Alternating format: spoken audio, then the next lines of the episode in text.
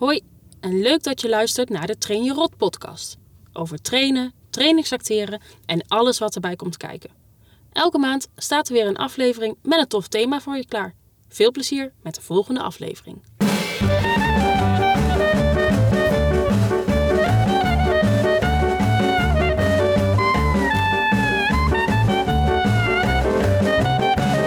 Goed, Jan. Ja, Aflevering 7. Samenwerken met trainers van onze Train Je Rotkast. We hebben vandaag een paar toffe vragen voor de rubriek. Niet heel urgent, maar wat we voor nu niet kunnen of willen laten liggen. top. En die is eindelijk weer uit mijn strot. Ja, heel goed. Ik vind dat je het goed doet. Ga Nou, door. dank u, dank Ja. u. En we hebben een tweede nieuwe hoofdsponsor erbij. Die Zeker. willen we ook graag even belichten. Ja. En natuurlijk ook onze vriend van de show. En dat is vandaag Chris. Ehm, Chris Kemperman, ja. Ja, en afgelopen keer was er natuurlijk maand was er eventjes geen aflevering. Maar vandaag halen we die dubbel en dwars weer in. Dus ehm, ik ben eigenlijk ook wel gewoon benieuwd waar jij heel happy mee bent. Of in samenwerkingen. Nou, ehm, als ik heel eerlijk ben, ik heb best wel vooral, laat ik daarmee beginnen, best wel goede ervaringen met trainers. Misschien komen we daar nog op hoor, de anekdotes en de verhalen. Maar de, de meeste Vast. trainers eh, vind ik heel prettig om mee te werken. Ik vind ze vaak slim en deskundig. En ik vind ze ehm, heel, ja, gewoon echt goed oog hebben voor de deelnemers. Ja, jij begint te lachen. Nee, Ehm, ik, zit in, ik, ik wil bijna zeggen, nou dank je, want je werkt af en toe ook met mij als trainer. Maar, Ik heb laatst met je gewerkt. Ja, laten we het daar niet over hebben. Nee, nee, maar, dat, nee maar dat is wel zo. Ehm, ik, de, de meeste trainers, daar leer ik van. Als ik kijk hoe ze eh, kennis overdragen. Ja. Hoe ze hun werkvormen inzetten. Het contact met de deelnemers. Het overzicht. Ehm, het is niet voor niks dat ik zelf als trainingsacteur... ehm, heel veel met trainers heb samengewerkt. En daar heel erg van, ja, van heb kunnen leren. En naar kunnen kijken. Om op een, geme- op een gegeven moment mijn eigen stijl te kunnen ontwikkelen. Ja. En wat ik daarbij vooral heel goed vind... ehm, is als trainers de, eh, de kunst verstaan om zowel de verplichting, die er Mhm. vaak is rondom trainers, en mensen moeten gewoon verplicht naar een training, eh, in veel gevallen nog. Ehm, tegelijkertijd is er een behoefte aan autonomie. Ik denk dat dat een soort eh, ja, psychologische basisbehoefte is van heel veel deelnemers, om zelf hun keuzes te kunnen maken binnen die training. En ik vind het heel tof, eh, en nogmaals, de meeste trainers die hebben dat in zich, om daar een goede balans in weten te vinden. Dus, dus niet zozeer het doel van de training de opdracht van de klant eh, voorbij te laten gaan, maar ook goed te kijken van wie heb ik voor me, waar hebben zij behoefte aan. ja. Ehm, binnen de afspraken die ik heb gemaakt met de opdrachtgever en de klant. En, eh, en dat is wel altijd een spanningsveld. Zeker met name zorg, welzijn, onderwijs, maar ook op heel veel andere plekken eh, zie je dat terug. Ja, een trainer zal, zal zich daarna moeten verhouden en daar een modus in weten te vinden. Ehm, dus dat, is, eh, dat vind ik altijd wel een kracht als je dat heel goed, eh, goed kan. Mhm. Hoe zijn jouw ervaringen over het algemeen met trainers? Nou ja, dus we praten nu even vanuit de rol als trainingsacteur. acteur zijn, over het algemeen heb ik ook gewoon eh, hele prettige ervaringen daarin. Het gevaar is altijd als je bijvoorbeeld, en de, ik, ik, jij kan daar misschien meer over mee praten. Ik werk niet heel erg met de wat grotere trainingsbureaus. Dus eh, ik, werk, ik heb dat af en toe met eentje dat ik wel wel eens ingezet word. En dan heb je dus heel snel dat je ook met heel veel verschillende trainers dezelfde training geeft. Eh, en daar kan je dus nog wel eens tegenaan lopen, omdat je met regelmaat eh, met in een nieuwe samenwerking zit. Dus wat ik heel vaak heb, is... Je bent afgeleid door een Ja, ambulance. ik dacht, ik, wel, ik Ja, wacht dat- even tot hij weggaat, maar je, dat gaat Dat is gewoon het podcastleven, is dat, Dat is gewoon. gewoon het leven, ja. Kunnen ja, Ergens- we gaan kijken iemand- of we dat eruit kunnen knippen. Ja, maar, ergens eh, legt iemand het leven. Je weet het niet. Het, eh, ja. Maar, ehm, Ja, wat, wat is nou urgenter, die Nee, ik ambulance zit even te dit? denken. Ja? wat was ik aan het zeggen? Ehm, nou, doordat je dus eh, dan veel met anderen samenwerkt, heb je ook andere struggles waar je tegenaan loopt. Ik heb dat misschien wat minder, omdat ik ehm, vaak met dezelfde personen trainingen geef. En dan merk ik gewoon dat als je eh, goed op elkaar ingespeeld bent en je staat beide open voor feedback, dan wordt echt zo'n training fantastisch. En dan zit je samen in de auto misschien terug of je zit jezelf in de auto terug en denkt, wauw, wat hebben we net eigenlijk voor een toffe dag beleefd samen. Ja. Ehm, en ik weet niet, maar dat, daar kan jij misschien wat over zeggen. Mijn gevoel is wel, als je eh, met heel veel verschillende trainers eenzelfde soort training, is het gevaar dat je dus soms ehm, dat wauw-effect minder hebt, omdat je eerst nog een beetje op elkaar ingespeeld moet raken. Maar hoe kijk jij daar tegenaan? Uh, ja, nou de vraag is of het, of het daarin zit. Hè? Want wat jij daarvoor beschrijft is volgens mij iets wat je niet altijd kan afspreken. Dat is gewoon dat, het, dat je op dezelfde eh, manier naar de dingen kijkt, op dezelfde momenten stil blijft staan, op, uh, nou, op dezelfde invalshoeken van een deelnemer. Um, gaat vertragen, mhm. iets gaat vertellen of iemand opnieuw laat oefenen. Ik zit hard op te denken of ik die ervaringen heb bij dat soort grotere klussen. Nee. Het is, het is gewoon fijn als het vloeiend loopt. En, en, en soms ontstaat dat direct bij de, bij de eerste kennismaking. En soms gebeurt dat omdat je uh, vier, vijf keer met elkaar hebt gewerkt. Ehm, soms helpt een voorbespreking daar heel erg. in. Maar ik weet ook uit ervaring dat, dat je daar niet alles in dicht kan timmeren. En dat als je dingen voorbespreekt, dat het ook nog heel goed kan zijn dat in de training in één keer de trainer, als je rechts hebt afgesproken, in één keer compleet links gaat en dat je voor een verrassing komt te staan. En geen toelichting krijgt over wat gaan we nu doen. En noem eens, waar, waar denk je dan aan? Nou ja, ik heb wel eens gehad dat we het echt wel heel erg voor hadden besproken. En ook met bepaalde werkvormen. En van hoe, hoe wil je dat? En hoe zie je mijn rol daarin? En gaan we net bijvoorbeeld in een carouselvorm, gaan we ze eerst allemaal achter elkaar doen of niet? Ehm, en in één keer in de training, de, dat is compleet in één keer een hele andere werkvorm. En dat ik zoiets had, oké, maar wil je dan nog wel reactie van mij of niet? Dus nee, dat hoeft allemaal niet meer. Dus dat ik in één keer zo'n zo'n onderdeel werd van een hele rare setting. En waar je dan ook niet achter stond? Nee. ja, ja, precies. Want als dus- je er wel achter staat, kun je gewoon zeggen van... Oké, maar hoe zit het? Wat wil je precies? En, dat ik inderdaad al twee keer vroeg van... Maar kunnen wij heel even, voordat we het gaan doen, kunnen we even kort afstemmen? Maar dat daar vanuit de trainer of blind voor was of geen gehoor aan gaf. Ja. ja, dan denk ik als ik twee keer heb aangegeven dat ik eigenlijk iets nodig heb voordat ik die oefening ga doen. Ja, ik vind dat dan moeilijk om dan te zeggen: Sorry, ik ga deze oefening nu niet doen, want ik weet niet wat je nu van mij wil. Dus dan wordt de oefening wordt ook in één keer heel een beetje gekkig en stroomlijnt niet, omdat je niet precies weet wat, wat die trainer nou van doel heeft. Ik snap jou wel, maar ik heb zo'n situaties, uh, dit soort situaties wel eens gehad. En als het dan echt iets is waarvan ik het of totaal niet begrijp wat iemand wil, of ik sta er niet achter, mhm. met name dat laatste. Mhm. Dan maak ik toch echt gebaar van, joh, we moeten even overleggen en dan maar even pauze. Want ik, ik moet het wel kunnen doen. Ja. Ik moet maar dat heb ik inderdaad toen tot, tot twee keer toe. Alleen diegene kwam dus niet met een heel helder doel. Waarom? En toen dacht ik, oké, ja, dan ga ik de oefening maar op mijn gevoel en hopen dat het dan het beste is. Ja.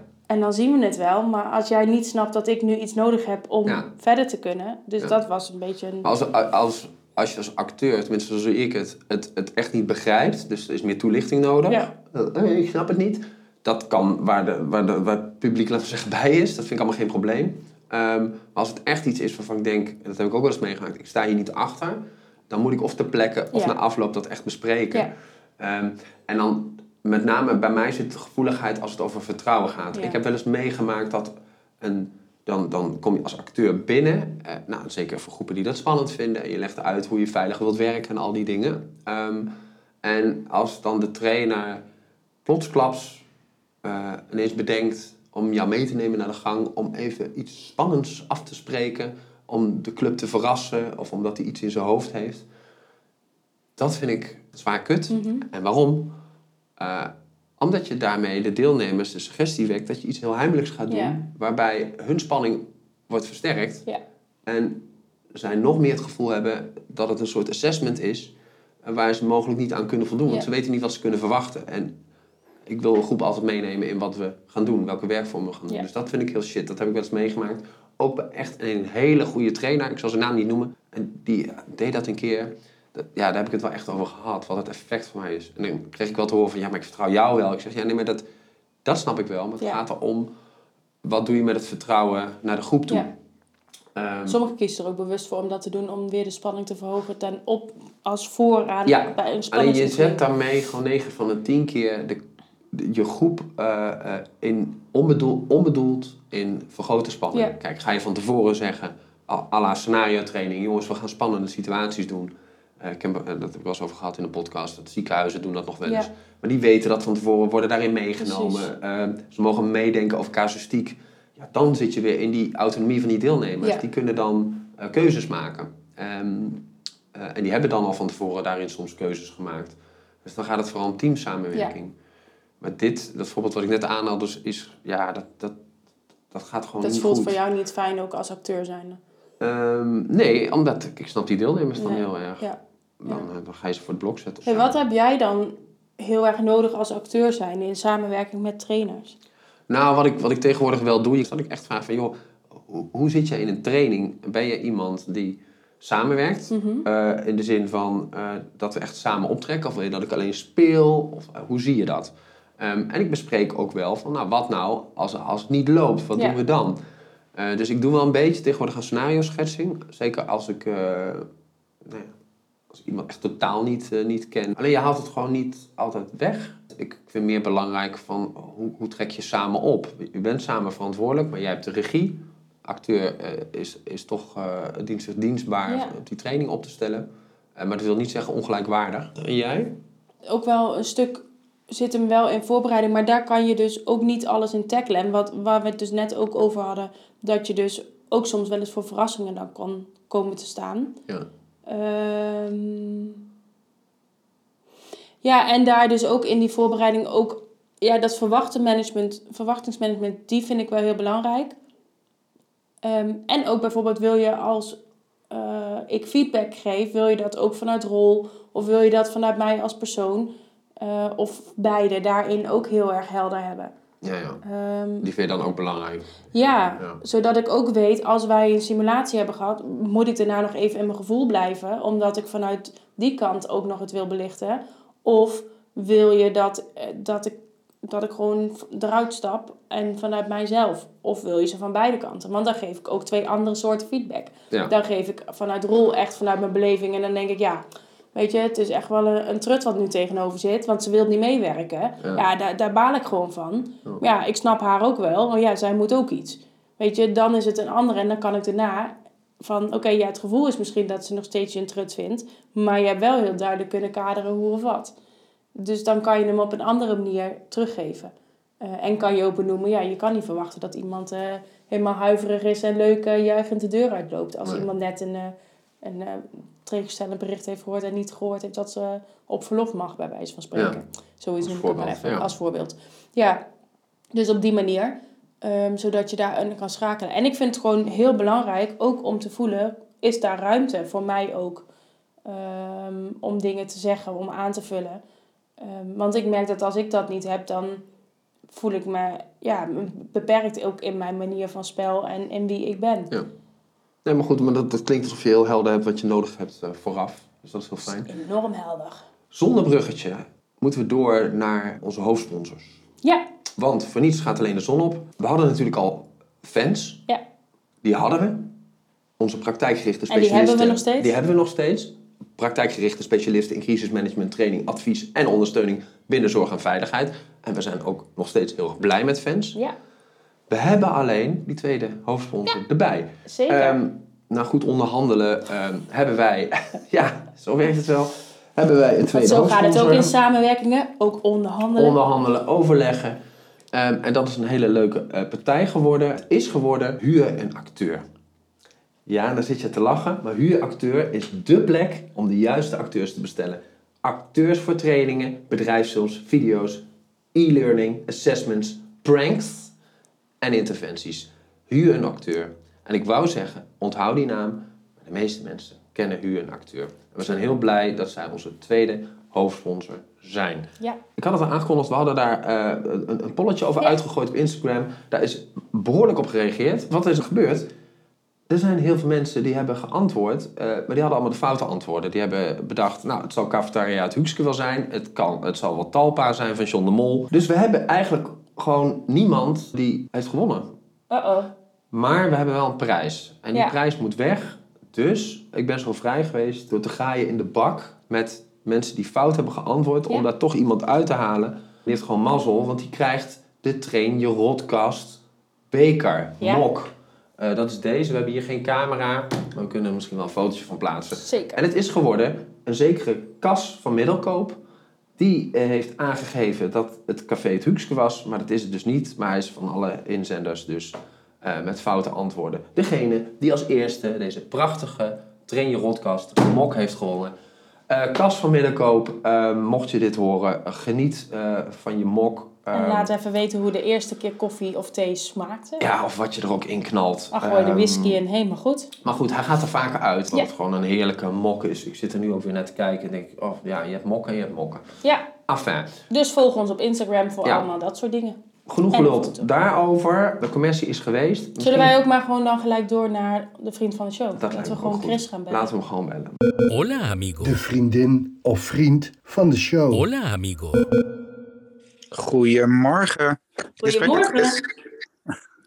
Hey Chris, Hi. je zit live in onze uitzending, in onze Train Your podcast. Dat, Oh, wauw. Ja. Oh, wat, spontaan hoe jij reageert. Oh, wauw. Ja. Hey, ehm, met als onderwerp samenwerken met trainers. Ehm, Ja. Allereerst voor de mensen die jou niet kennen. eh, jij bent Chris eh Kepperman. En eh, jij werkt al een dikke 20 jaar in mijn hoofd als acteur. En een dikke 5 jaar als trainingsacteur, toch? Klopt, inderdaad. Ja, Oké. ik dacht, eh, daar, daar komen twee dingen samen die ik eh, van groot belang vind. ja. Spelen voor mijn eigen mentale gezondheid. Ja. En eh, ik dacht, god, laat ik andere mensen ook eens wat, eh, wat bieden op het gebied van mentale gezondheid. En ja, het coachende deel van trainingsacteren helpt daarbij. Ja, nou, wat mooi gezegd. Ja, Ik, en het, ik hecht er nog wel waarde aan om, om nog wat erbij te zeggen dat wij elkaar ook wel kennen van eens in zoveel tijd een soort ehm, ja, informeel eh, supervisiemoment met een andere collega. En dan spreken we af in een hotel ergens in Nederland. en, dan, en dan drinken we bier. En dan dit klinkt bier. heel, dit klinkt heel dubbelzinnig. Ik wou net zeggen, ik zit hierbij en ik denk, waar gaat dit heen, Ja, Jan? het is wel Ja. zo. En ik zeg daar bewust bij ergens in Nederland, anders gaan mensen ons opzoeken. Maar dan hebben we het over ons werk, met de beentjes op tafel met een biertje. Ja. Ehm, en dat, is, dat is eigenlijk wat wij hier doen, Annemiek, Ja. maar dan met bier erbij. En wij hebben nu We hebben nu koffie. koffie. Ehm, Dat klopt. eh, hoe, hoe is het de laatste tijd met de trainers? Eh, eh, heb je nog veel samengewerkt met trainers? Ik heb heel veel samengewerkt met trainers. En eh, hoe gaat dat? Dat gaat eh, op, over het algemeen heel goed. En is heel erg leuk. En eh, ik, vind, ik vind de samenwerking met trainers heel inspirerend. En het brengt een hele hoop. Ja, in de zin van? In de zin van dat het eigenlijk iedere keer weer, of iedere keer vaak, verrijkt het het beeld wat ik heb over hoe, mensen, hoe je mensen kunt benaderen in een trainingssituatie of hoe je mensen eh, kunt eh, ondersteunen in hun persoonlijke ontwikkeling. Mhm. En ik denk dat, dat eh, ehm, als trainingsacteur ben je altijd enigszins, is er een soort afhankelijkheid van de trainer als het gaat over welk kader hij schept of welk speelveld hij creëert of zij. Ja. En, en eh, de veiligheid, die, de mate van veiligheid die er wordt gecreëerd.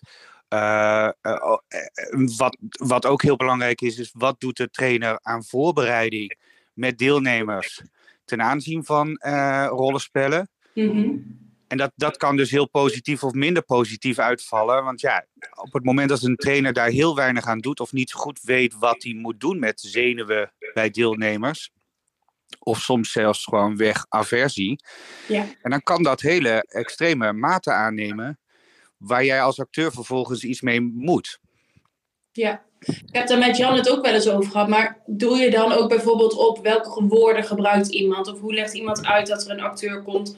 Dat, dat sommige trainers het misschien zelfs wel eens in de hand werken dat de spanning verhoogd wordt in de plaats van verlaagd wordt.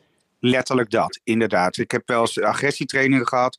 En dat de trainer in het begin naar me toe kwam. En dat hij zei: Nou, laat ze eerst maar eens even lekker schrikken. En dan kunnen we daarna verder. Ja, En dat ik dacht: Nee, nee, we gaan ze niet even lekker laten schrikken. Want dat is nou juist niet wat we willen doen. nee, Ja. Daar gaat het doel voorbij. Dat. Maar eigenlijk hoor ik jou dan dus ook zeggen dat jij door die afhankelijkheid, eigenlijk zijn wij dan altijd te gast bij de trainer. Ja, je bent te gast in de training van de trainer. En dat is een, dat is een interessante positie. Want aan de ene kant is het dus aan de trainer om iets te doen, een bedding te creëren waarin jij kunt eh, doen wat jij moet doen. Mhm. Eh, maar het geeft je ook de mogelijkheid om, op het, eh, om, daar, om daar eigenlijk iets aan toe te voegen. Om het niveau, of wat het, wat het dan ook is, eigenlijk even op te tillen. En ehm, een meerwaarde te bieden daar. Maar wel interessant wat je zegt. Jij, jij zegt dus heel duidelijk, uh, je bent de gast en de training van de trainer. Ja, en ik realiseer me wat dat, wat dat uh, impliceert. Want dat, bete dat betekent dus een afhankelijkheid. En we hebben het altijd, tenminste eh, hebben wij ook wel eens uh, natuurlijk in gesprek met elkaar uh, besproken, Jan. Hoeveel eigen initiatief of hoeveel, hoeveel voorwaarden stel je eigenlijk aan wat je doet? Ja. Om te kunnen doen wat je doet. En ik denk dat dat, dat, dat, dat dat een interessant speelveld is. Want je kunt soms echt ingrijpen. Uh, of het gevoel hebben te moeten ingrijpen op het moment als er iets volledig uh, scheef gaat. Mhm. Mm -hmm. Of dat, ik heb ook wel eens trainers gehad die heel erg uh, kunnen bagatelliseren. Bijvoorbeeld als het gaat over ins instrumentele agressie. Mm -hmm die kan dan kunnen zeggen, nou, dit is een groep mensen die dit al van jongs af aan doen. En die kunnen ook niet anders. Weet je, dat je denkt, oh, oké, okay, we hebben het met, met, weet je, mensen die instrumentele agressie uh, uh, laten zien, zijn per definitie psychopaten. En daar valt eigenlijk niks meer mee te doen. Nee. Of, en dat, ja. ja, en dan nou noem ik gewoon een, een, een willekeurig voorbeeld, maar ja, dat ik me dan wel geroepen voel om te, om te zeggen van nou, het is iets genuanceerder. Ja. Uh, ik bedoel, ik ben geen psychopaat en ik heb ook wel eens uh, instrumentele agressie uh, toegepast, omdat ik dacht, ik kon niet anders meer of zoiets. Ja. Um, dat zeggen, dat zetten we allemaal toch wel eens in om iets voor elkaar te krijgen. Ja. Of ben Dat. ik, dat nou, ben ik nou gewoon zelf dan ook zo? ja, nee, idem dito. Ik, ik precies hetzelfde. In, in, in, in, in wellicht misschien wel een dusdanige subtiele variant dat het niet meer agressie te noemen is. Maar manipulatie is al een vorm van instrumenteel, weet je wel, gedrag. Maar dan zeg als we de dokter bellen over, uh, over iets, dan zet ik hem ook wel eens iets meer aan, omdat ik toch wel gezien wil worden. Omdat ik weet dat als ik het niet doe, dat, ik dan, dat er dan wordt gezegd, kijk even op thuisarts.nl bij wijze van spreken. Ja, precies dat. Precies Ja. dat. Dus het is allemaal eh, relatief, denk ik. En, En- wat, ehm, Ja. sorry dat ik jou onderbreek, eh, Chris. Wat heb jij dan nodig om, ehm, want je zegt in bepaalde, als gast zijn heb je een bepaalde afhankelijkheid ook ten opzichte van de trainer. Wat heb jij dan nodig om die ruimte te kunnen pakken om dingen ook aan te vullen? Of merk je dat je soms wel eens trainingen hebt waarbij je eh, je heel erg beperkt voelt om die ruimte te pakken? Dus dat je niet echt als gast misschien achterover gaat leunen, maar dat je ook medewaardig eigenaar wordt van de trainer. De training. Ja, goede vraag. Ehm, wat, ik, wat ik wel eens merk in trainingen, vooral op het moment als het een, een groep is die heel praktisch ingesteld is, en, ehm, maar waar ze wel dan een, een communicatietraining aan willen, willen bieden, is dat het heel erg platgeslagen wordt. Mhm. Dus dat er wordt gezegd, oké, op het moment als, er, als je dit letterlijk hebt gedaan, dan, dan, dan, dan heb je voldaan aan wat de trainer eh, verlangt. Ja. En dan word ik, denk ik als trainingsacteur, best wel beperkt, omdat ik heel veel andere dingen die in datzelfde gesprek of in datzelfde rollenspel gebeuren, moet negeren Mhm. ten behoeve van dat platgeslagen leerdoel van de trainer. ja. Ja. Ik noem dat wel eens de effecttrainers. Die willen dan eh, van tevoren al met een bepaald idee eh, een bepaalde leeropbrengst hebben. En jij komt als acteur dingen tegen van een deelnemer die misschien heel super interessant zijn. En die je ook wil eh, Belichten. behandelen. Dat. Toch? Ja, maar dan voel ik dus dat dat eigenlijk niet gewenst is. Nee. Nee. Dat past niet in het, in het, in het verhaal wat die trainer graag wil vertellen. En wat doe jij daar dan mee? Ja, dat, dat, dat, daar doe ik niet altijd iets mee. nee. Soms laat ik mij verleiden om gewoon letterlijk eh, te doen wat er wordt gevraagd. Mhm. En dat zit hem dus ook weer in. ehm, op het moment als ik eigenlijk daar advocaat moet zijn voor een breder communicatieverhaal of eh, een communicatieve training, communicatietraining. Dat is hard werken op dat moment. Op het moment als de trainer al de sfeer heeft gemaakt. Oké, we gaan letterlijk alleen dat hele kleine platte stukje oefenen. Ja. Ja. Om het dan ineens breder te trekken, dan ga je ineens eigenlijk eh, de voorwaarden waarop die deelnemer ja heeft gezegd op een rollenspel, ga je ineens veranderen. En ik merk dat dat ehm, heel veel energie kost van mij, Mhm. maar ook dat het niet gewenst is bij, van, eh, bij, bij deelnemers. En kost het jou dan eigenlijk ook energie als je dus merkt van oké, ik word dan daarin toch beperkt. ik voel van alles en ik zie van alles tegenover me, maar ik kan dat dan niet onderdeel laten zijn van de training. Merk je dat dat dan eigenlijk ook energie kost? Want je moet jezelf als het ware inhouden. Ja, en het, het, het raakt ergens de integriteit van mij als, als acteur, Mhm. van dat wat ik doe. Omdat ik ook daarin, omdat ik dan ook word beperkt in de feedback die ik geef. Ja. Soms kan het dan dus wel eens voorkomen dat het rollenspel eigenlijk helemaal niet zo goed ging. Ja. Hè, en dat ik gevolgd heb wat eh, er op dat moment in het rollenspel eh, ontstond of gebeurde. Eh, maar dat daar eigenlijk geen gesprek over eh, eh, Plaatsvindt. plaatsvindt. Ja. Omdat het zo'n smal straatje is waar die trainer eh, door wil eh, wandelen. ja, nee, begrijpelijk. Ehm, maar Chris, volgens mij is dit dan ook wel een beetje de, de paradox in ons werk. Hè? Want je zegt, denk ik, eh, en ik ga er groot, grotendeels in mee in het begin van je verhaal. Je bent de gast op een training. Tegelijkertijd wil je gelijkwaardigheid en voel je je gezamenlijk verantwoordelijk. Ja. En dat botst natuurlijk wel met het eerste. Hè? Ik spreek nog wel eens acteurs die die afhankelijkheid ehm, zo, zo sterk voelen dat ze zich ook ehm, nou, onbewust minderwaardig opstellen in een training. En dan is dat helemaal vervelend. Eh, Ja. In, in hoeverre doe jij om, om, om dit mogelijk te voorkomen of om, om, om dit minder tegen te komen? In hoeverre doe je dan wat in je voorbereiding? Bespreek jij dit ook, dit soort dingen? Of doe je dat niet? Hoe werkt dat bij jou? Nou, wat ik, soms, wat ik lastig soms vind, is in de voorbereiding te kunnen bepalen wat hier, wanneer dit aan de hand Ja. is. Ja. ja. En ik vind in de voorbereiding wordt er heel vaak wel een soort van standaard verhaaltje afgedraaid. Mhm. Waarin trainers zeggen, ja, ik vind, ik vind het enorm belangrijk dat de trainingsacteur input heeft. Maar vervolgens is het dusdanig dichtgetimmerd dat ik denk, nou, Ja. ik weet niet waar ik die input zou moeten geven, want Ja. er is geen ruimte. Ehm, en en, en dus, dus merk ik het vaak pas wanneer we daadwerkelijk in de training zitten. En dan vind ik het lastig om er op dat moment eigenlijk eh, nog iets aan te doen. En merk ik dat ik vaak ook wel denk: eh, oké, dan gaan we het op deze manier doen. Ja. Ja, precies. Want je zou kunnen denken, dan, dan bespreek je het achteraf. En in hoeverre doe je dat? Je- Dat, dat, dat doe ik wel eens vaker, dat ik, dat ik dan, maar dan ben ik heel voorzichtig in. Dat ik zeg: God, eh, zou het misschien niet zijn om het iets breder eh, te pakken? Of ehm, hey, wat, ik heb wel bij, bij deze en deze deelnemer had ik wel wat meer eigenlijk terug willen geven. Maar daar voelde ik niet de vrijheid in, omdat we, hè, omdat we heel specifiek dat wilden oefenen. Wat, eh, hoe, hoe kijk jij daarnaar? En daar komt wisselend antwoord op. Wel goed dat je het doet. Ik, ik, ik herken heel erg jouw verhaal. En ik doe het meer, eh, maar ik doe nog wel eens te weinig. Want dan denk ik, ja, eh, oké, weet je, het was op die en die vlakken wel een goede dag. Ehm, laat maar, we gaan door, we hebben geëvalueerd. Weet je wel, dat ik, dat ik niet het onderste uit de kan haal. Dus dat vind ik wel weer een goede les die ik eruit haal. Ja, en ik denk dat er ook wel een soort van. ehm, hoe zeg ik dat? Ik, laat, laat ik eerst zeggen dat ik het ook minder doe dan dat ik graag zou willen. Mhm.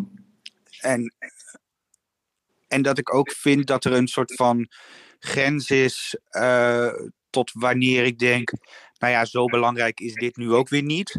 Ja, Een tijd geleden had ik wel een training, eh, ook een agressietraining. En die, die meneer, de trainer, die had een hele eigen theorie ontwikkeld waarin frustratie en agressie en instrumentele agressie in dezelfde rollenspel moest worden verwerkt. En ze moesten, stond helemaal vast al dat de deelnemer eerst op frustratie-agressie moest reageren. Vervolgens moest ik over naar instrumentele agressie en dat moesten ze dan gaan begrenzen.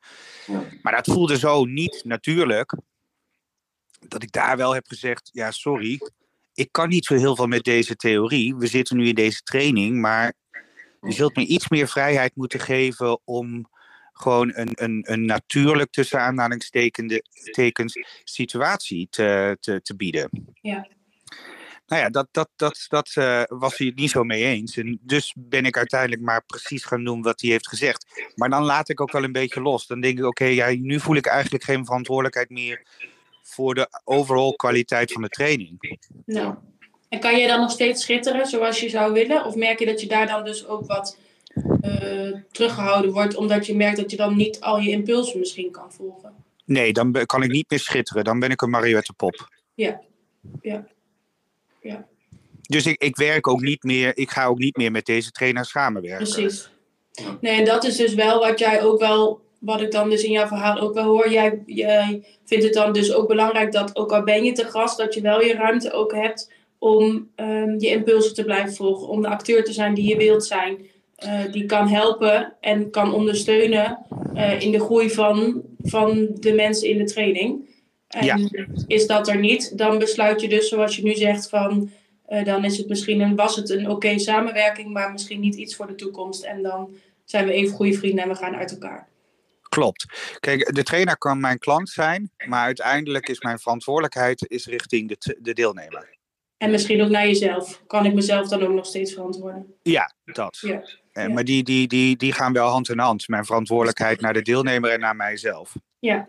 ja.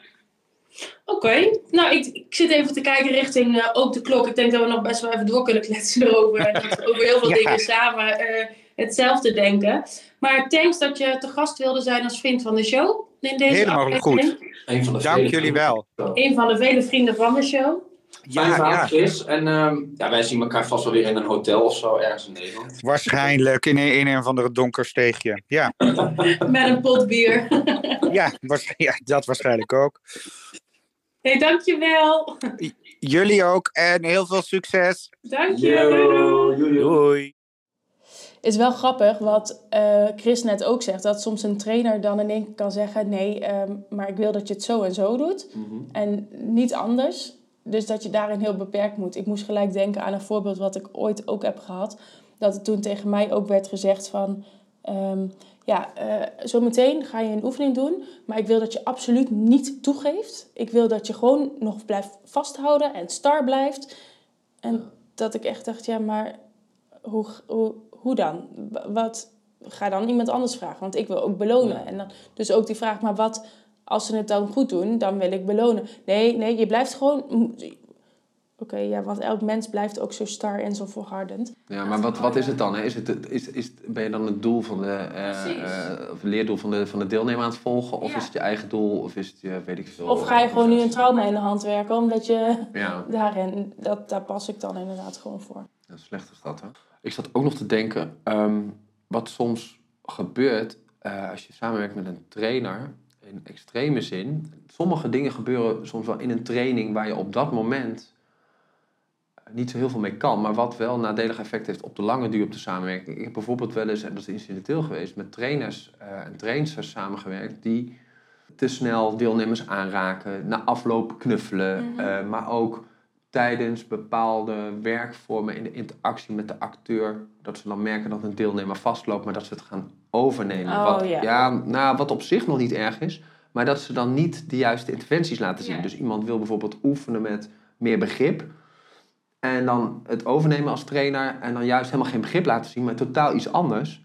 En dat ook het ongemakkelijke ontstaat dat de groep zegt, ja, maar dit, is niet wat zij wilde. Nee. Of dat die vrouw in dit geval zelf zei van, ja, maar dit is niet wat ik wilde oefenen.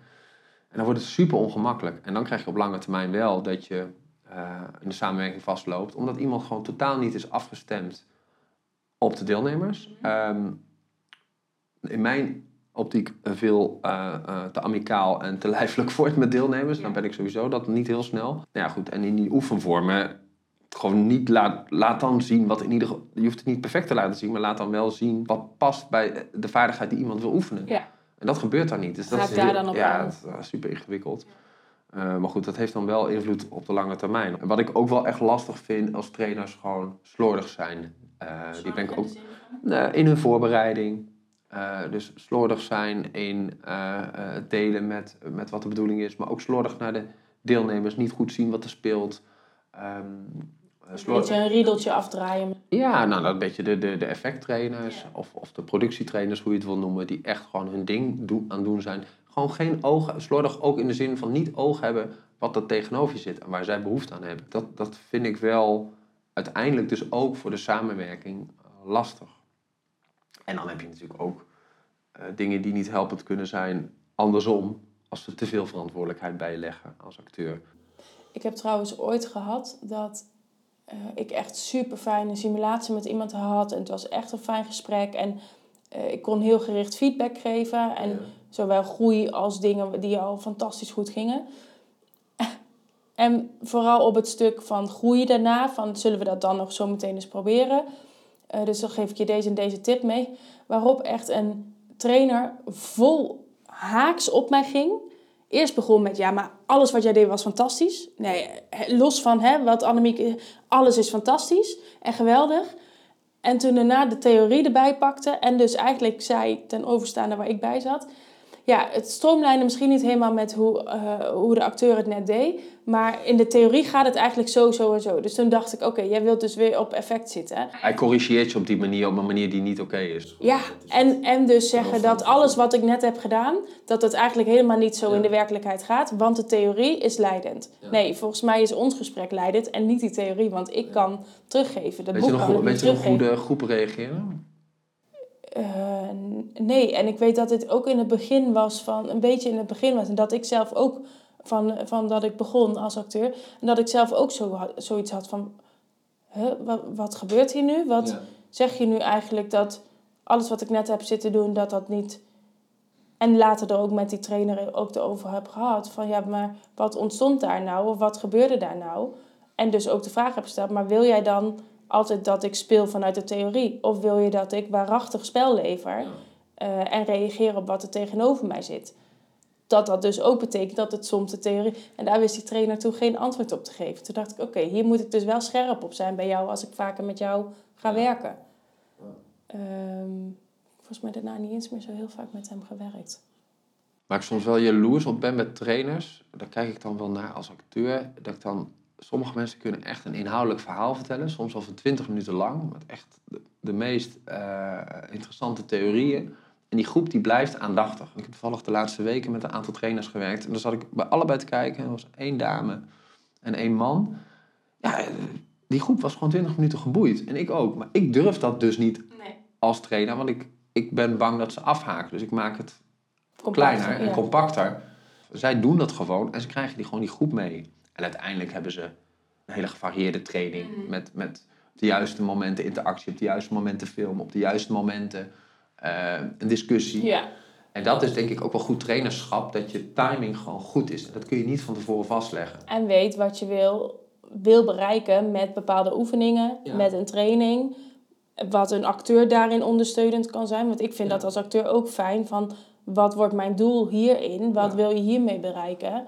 En tegelijkertijd dat die groep daar wat over te zeggen heeft. Zowel misschien wel aan het begin of voorafgaand aan training, in ieder geval in de werk voor mezelf. Dat, Ja. ze, de, dat ze tijdens de, de verschillende werkvormenkeuzes hebben.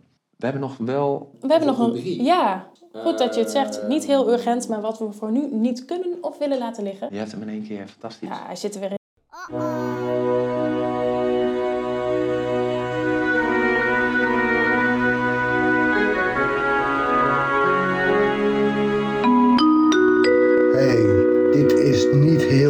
urgent. Maar wat we voor nu niet kunnen of willen laten liggen.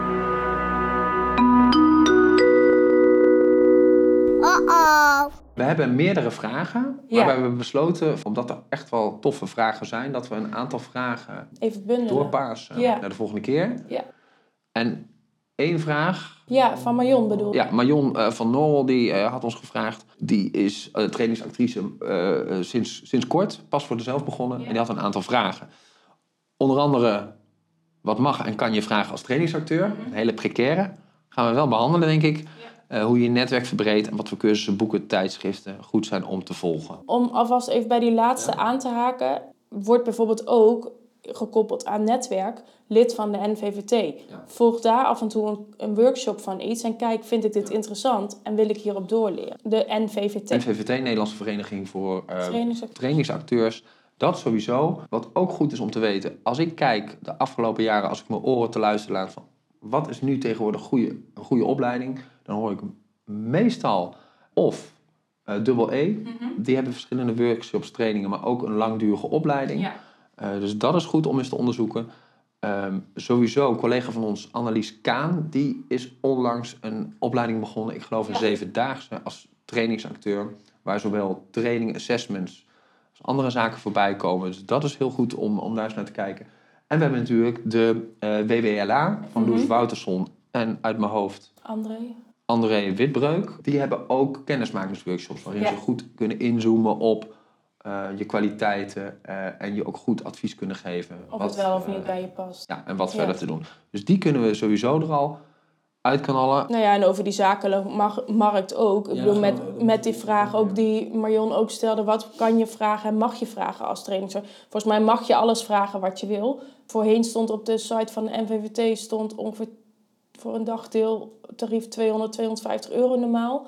Die hebben ze ook aangepast, om, ook met de huidige inflatie en alles. Maar ook omdat dat eigenlijk wel heel erg aan de onderkant van de markt zat. Ehm, naar mijn idee, en jij bent het daar ook mee eens, want ik zie jou knikken, is een prijs voor een dagdeeltarief die je kan vragen 300 euro per En dagdeel. dat staat nu ook op de site. En dat staat nu ook op de site. Ehm, en dat is een prima basistarief. Wat helaas ook nog wel steeds gebeurt, en ook via bureaus, dat er dan bedragen zijn van 200 euro per dagdeel. Ik heb wel eens met bureaus daarover gehad. En deels snap ik de uitleg. eh, het, het verhaal van back-office moet betaald worden, personeel moet betaald worden. Deels snap ik dat. Ehm, tegelijkertijd het argument, andere bureaus doen dat ook. Die heb ik ook vaak gehoord. En die vind ik wel echt lastig. Ja. Dat wil ik wel gezegd hebben. Ik denk, ja, weet je, als je met z'n allen hetzelfde doet, wil niet zeggen dat je dan het goede doet. Zijn er nog dingen die je kwijt wil, die je belangrijk vindt voor nu, als het gaat over de samenwerking met trainers? Het is goed zo. Ja. Het is goed zo. Laten we lekker afronden. Eh, er ligt hier nog een boek voor Ja. ons. Daar willen we zeker nog wel eh, kort eh, een promotje voor doen. Dit is een boek wat heel veel is verkocht. Het is een boek van Jeanne Bakker, André Witbreuk en Loes Wouterson. Het heeft de prachtige titel Oh, jij hebt tieten. En dat heeft mee te maken met, met alle waargebeurde verhalen, samenwerkingsverhalen tussen trainers en acteurs. Dat is heel leuk om te lezen, of je nou beginnend bent of super ervaren. Daar staan heel veel anekdotes in. Grappige, grensoverschrijdende, leuke, mooie, bijzondere verhalen over de samenwerking. Dus ehm, nogmaals, oh, jij hebt tieten, eh, koop het boek. Superleuk om te lezen. Wij gaan afronden, maar niet voordat we hebben bedankt. Onze magisch klankenvanger, Ja. die onze techniek altijd verzorgt. We bedanken fans, onze eerste hoofdsponsor en eh, onze huidige tweede hoofdsponsor. En dat is Hu en Acteur. Thanks voor jouw tijd. Want ja, god, hè, je bent ook maar zwanger en je zit hier ook maar. Hè? Oh, dit is een nieuwtje. Volgens mij weten ze dat nog niet. Je Ja, dank je. Bedankt voor het luisteren. Tot een volgende keer. En oh, dat kunnen we wel vertellen. Volgende keer dan gaan we het hebben over samenwerken met trainingsacteurs. Ja. Dus eh, heb je daar nog vragen over, wou ik zeggen. Aanvullingen, wil je vriend van de show zijn? Dan eh, meld je bij ons. En bezoek ook zeker even onze Instagram. Zeker. Alrighty. Tot de volgende. Houdoe.